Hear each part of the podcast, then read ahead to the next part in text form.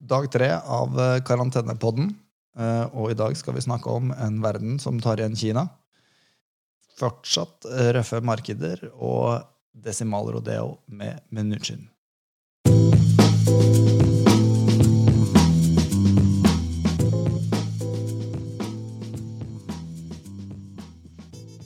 For de av dere som ikke har fått med dere det, så sender vi her i Bankers-redaksjonen hver eneste dag nå kort update på hva som skjer eh, med denne pandemien, og også en oppdatering på det som skjer i markedet og policy-siden. Christian eh, Lie, du er med meg fra hovedkontoret ditt på Hamar.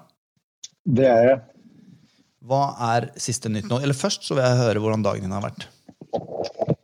Dagen har vært eh, ganske lik den som var i går, egentlig. At eh, det går i lesing og skriving og, og oppdateringer eh, for eh, rådgivere og, og kunder. Eh, og så har jeg nettopp vært ute og lufta kona. Så vært ute og gått en tur. Det er viktigst. Og så skal vi spille inn pod nå. Det er vakkert. Hva er siste nytt for pandemien? Uh, det siste nytt er vel egentlig litt det samme som i går. At vi ser at Eller det som er nytt, da, det, det, er rett og slett at det nå er flere smittede utenfor Kina i resten av verden altså, enn det, enn det man har i Kina isolert sett. Og eh, det som er eh, positivt, eh, det er jeg syns de norske tallene. Jeg må innrømme at de ser rimelig positive ut, selv om det er tragisk at vi får flere dødsfall i Norge også. Hvis man ser på smittekurven, så er den faktisk ganske stabil, eller til og med avtagende. Nå er jo store spørsmålstegn i testing, altså hvor mye som testes. og Det gjelder jo ikke bare Norge, men resten av verden. Så man skal være litt forsiktig med å stole på tallene. Det er helt sikkert eh, ganske store mørketall. Eh, men også i Italia, som jeg nevnte så vidt i går, så er det tegn til at eh, denne voldsomme denne eksponentielle smitteveksten er i ferd med å avta noe, selv om jeg akkurat leste at de hadde fått et rekordhøyt antall dødsfall det siste døgnet. Statistikk fra Italia viser også at 99% av dødsfallene i Italia eh, er hos eh, den, den, eldste delen av befolkningen og eller de som har eh, sykdommer og, og er utsatt for, for covid-19 fra, fra, fra, før. Ellers så er det litt det samme i USA, egentlig. Antallet øker ganske betraktelig, betraktelig der. Og vi ser også litt det samme i Europa. Eh, men når det gjelder Europa, så er jo sånn som Tyskland, Frankrike, Spania ligger åtte til ti dager etter Italia.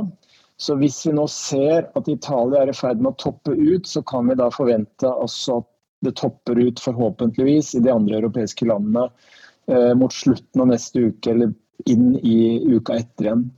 Eh, det som er et lite bekymringspunkt, eh, det er også tall som vi har fått fra flere av de asiatiske landene, som eh, Kina, eh, Hongkong, Sør-Korea, eh, Taiwan, som egentlig hatt veldig god utvikling i, i spredningen av eh, smitten, men som nå viser en liten sånn økning igjen. og Det skyldes i hovedsak importerte tilfeller. Det vil si at dette er eh, asiater som da, eller kinesere og asiater som bor i Europa, eller som har oppholdt seg i Europa, som nå reiser tilbake fordi man oppfatter at det er mindre risiko for smitte i Kina enn det det er i Europa.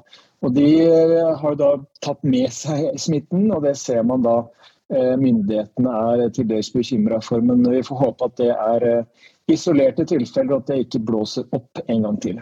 Ja, Vi får følge tett med, og det er i hvert fall hyggelig å høre at det enn så lenge ser ikke grusomt ut i Norge, i hvert fall.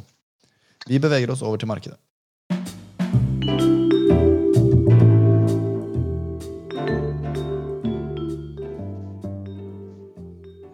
Og apropos grusomt, Christian. I markedet så ser det litt grusomt ut. Ja, det, det, er, eh, det, er, trøstesløst. Jeg vet ikke helt eh, noen annen måte å beskrive det på. Eh, men i Norge så hadde vi eh, et lite kursfall, må vi kunne si, eh, tatt i betraktning situasjonen på, på 1 eh, Europa falt 4% Men oljeprisen, har du sett på den? Altså Den er ned til under 25 dollar. Og vi har jo fått varsler fra ulike oljeanalytikere om at oljeprisen kunne bikke ned mot 20-tallet. Og når Saudi-Arabia da går ut i dag og sier at uh, dette produksjonsnivået på 12,3 millioner fat per dag, som de har sagt at de kan øke til, det har de faktisk planer om å holde i noen måneder fremover. Og det er klart, da er det ikke så rart at uh, en eller annen avis her siterer en uh, analytiker i Rysta Energy som sier at dette er omtrent som å slippe en atombombe ned i oljemarkedet. Ikke bare så har man et kraftig fall i oljeetterspørselen pga. den økonomiske aktiviteten som stopper opp i veldig mange deler av verdensøkonomien, men i tillegg så får man da en eksplosjon i oljeproduksjonen eh, som da øker ganske markant. Så dette er jo ikke bra eh, for energisektoren. Dette er ikke bra for eh, den amerikanske skiferindustrien, hvor vi vet at veldig mange selskaper har hatt veldig høy gjeld, eller har høy gjeld. Eh, og det reflekteres også i, i, i disse kritspreddene for high yield-oblasjoner, som nå begynner å nærme seg høyeste nivå siden finanskrisen. Så der kommer det konkurser, og der kommer det mer trøbbel i forhold til uh, sysselsetting osv. fremover. Det må jo også være ganske uh, altså, dramatisk for en del av selskaper som driver alternative former for oljeutvinning. Da, for det, der er det jo helt andre krav til hvilken oljepris de trenger for å faktisk drive med profitt. Uh, ja, men, men, men, jeg må bare stille deg et litt sånn nybegynnerspørsmål. Hva er grunnen til at man ønsker å opprettholde disse produksjonsnivåene når prisen bare daler ned til de nivåene det gjør nå? Jo, eh, dette er jo en priskrig som eh, startet eh, fredag for en halv uke siden. Når Russland og Saudi-Arabia i utgangspunktet skulle bli enige om å, forlenge og utvide de produksjonskuttene som de har gjennomført ganske mange kvartaler på rad. Isteden så ble de ikke enige, og det førte til at man ikke bare droppet produksjonskutt og utvidelse, men man gikk da nærmest inn i en priskrig hvor begge parter sier at de skal produsere det remmer og tøy klarer å holde. Og eh, Det som sannsynligvis er målsetningen, i hvert fall i første omgang, det er jo å skvise nettopp den amerikanske oljeproduksjonen. Fordi gjennom disse produksjonskuttene som Russland, Saudi-Arabia og de andre OPEC-landene har gjennomført, så har jo de to landene, eller Saudi-Arabia og Russland, da, som er verdens eh, to nest største eh, oljeprodusenter etter USA i øyeblikket i hvert fall, eh, bidratt til å holde oljeprisen relativt sett høy inntil nylig. Og Dette har jo bidratt til at den amerikanske oljeproduksjonen har nådd rekordnivåer, 13,1 millioner fat per dag. Og egentlig har tjent greit med penger på OPEC sin bekostning, da, på sett og vis. Ja. Så når de da senker eller øker oljeproduksjonen såpass mye, så kommer det til å skape kjempeproblemer i den amerikanske oljeindustrien og skiferindustrien. Og apropos produksjonskostnad, så har jo eh, skiferaktøren i USA en gjennomsnittlig break-even produksjonskostnad på rundt 40 dollar per fat. Det er store variasjoner, riktignok. Mm. Mens Saudi-Arabia kan produsere på 9 dollar per fat. Ja. Uh, og, det, og, det, og, det, betyr jo at uh, i utgangspunktet så kommer dette til å smerte eh, av de amerikanske oljepresidentene, kanskje før russerne og saudiaraberne. Men det er også en annen teori her, og det er at uh, Saudi-Arabia har begynt å lukte på at uh, man kommer i, i, løpet av de neste årene til en periode hvor vi får den såkalte peak oil, altså hvor oljeetterspørselen globalt begynner å avta, eller i hvert fall når en topp. Eh, og gradvis erstattes av fornybare energi, energikilder. Og Da tenker kanskje saudiaraberne at da er det bare å pumpe uh, ut olje, selge så mye olje vi klarer, selv om prisen er lavere, rett og slett for å tømme den reservekapasiteten, eller for å redusere reservekapasiteten som, som, Saudi har. Så Det er mange ulike teorier her på, på, hvorfor dette skjer, men det er ingen tvil om at uh, Saudi og Russland ser ut til å grave seg ned i skyttergrav med liten vilje til å komme til forhandlingsbordet igjen. Og det bidrar til at oljeprisen faller så mye. Det er beinhardt. Hva med på policy-siden?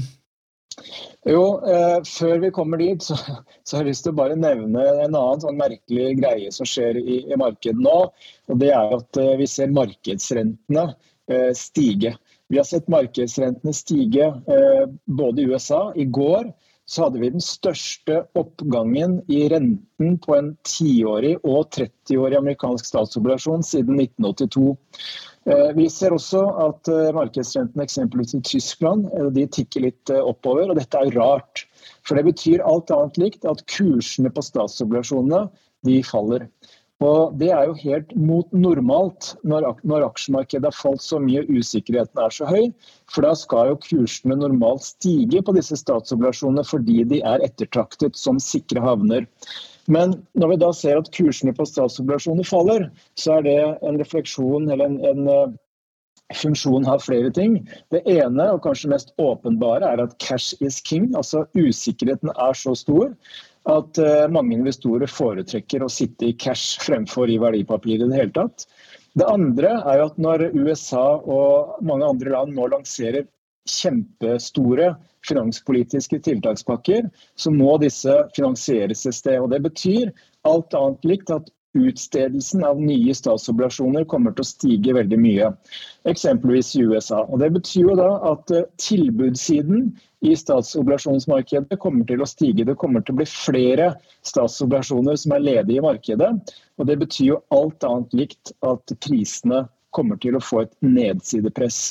Eh, så det er mange ulike teorier om hvorfor dette skjer, men cash is king er nok den ene. Og den andre kan også være en funksjon av denne, disse voldsomme finanspolitiske tiltakspakkene som må finansieres. La oss komme til de. Ja, eh, Reaksjonen etter at eh, Trump-administrasjonen eh, lanserte denne tiltakspakken i går, den, jo, den var jo positiv en liten stund. Men i øyeblikket så er det tilnærmet ragnarok igjen i det amerikanske aksjemarkedet. Eh, I øyeblikket svinger det mellom minus 7,5 og minus 8,5. Og handelen har vært eh, stoppet i en periode fordi man når denne grensen. Så det er åpenbart at eh, selv om Trump og finansminister Mnuchin legger på noen desimaler hver eneste gang de snakker altså Det begynte på 850 milliarder dollar, og nå er det altså oppe på 1300 milliarder dollar, hvorav 500 milliarder dollar er tenkt da som direkteutbetalinger til husholdningene. Men markedene, deres dom er åpenbar at dette er too little too late. Altså det er for lite. Fordi det man i prinsippet må se fremover, det er jo at offentlig etterspørsel, altså den, de tiltakspakkene som kommer fra myndighetene og politikerne, i prinsippet må erstatte den etterspørselen i økonomien som bortfaller fra privat sektor. og Da tenker jeg fra næringslivet og fra uh, husholdningene. Så hvis markedet ikke tror eller er overbevist om at myndighetene har krutt nok til å erstatte det bortfallet av etterspørsel, så, så, får vi den reaksjonen vi får nå. Og det er, uh, ja, det er guffent å se på, rett og slett. Det er ikke bra. Har du noen eh, plugs Christian, før vi runder av? Plugs det er et ord vi ikke har fått på Hamar ennå. Okay, for de som lytter på den poden her, så er de kanskje interessert i å følge deg på Twitter også. Hva er handlet ditt på Twitter? Akkurat. Er det det det betyr? Mm. Det er uh, alfakrøll lie CHR. Ja, jeg tenkte kanskje også du også kunne anbefale en god eh, på en måte, mentaltreningspod, for at man faktisk skal klare å kvele seg gjennom den depressive sendingen vi har her hver dag. Eh, jeg vil også plugge mm. webinaret vårt som vi har på mandager, hver mandag. Mm. Som er åpent for alle. Hvor kan de finne det? Eh, mm. Hvor kan eh, de som har lyst til å høre på det, finne det? Det ligger på Danske Bank sine hjemmesider eh, under korona. Okay. Eh, ja, det skal være, hvis man googler Danske Bank korona, så tror jeg den linken kommer opp. Jeg husker ikke linken i hodet. Det er veldig bra, Kristian. nå orker jeg ikke å snakke med deg mer. Vi snakkes igjen i morgen. Det gjør vi.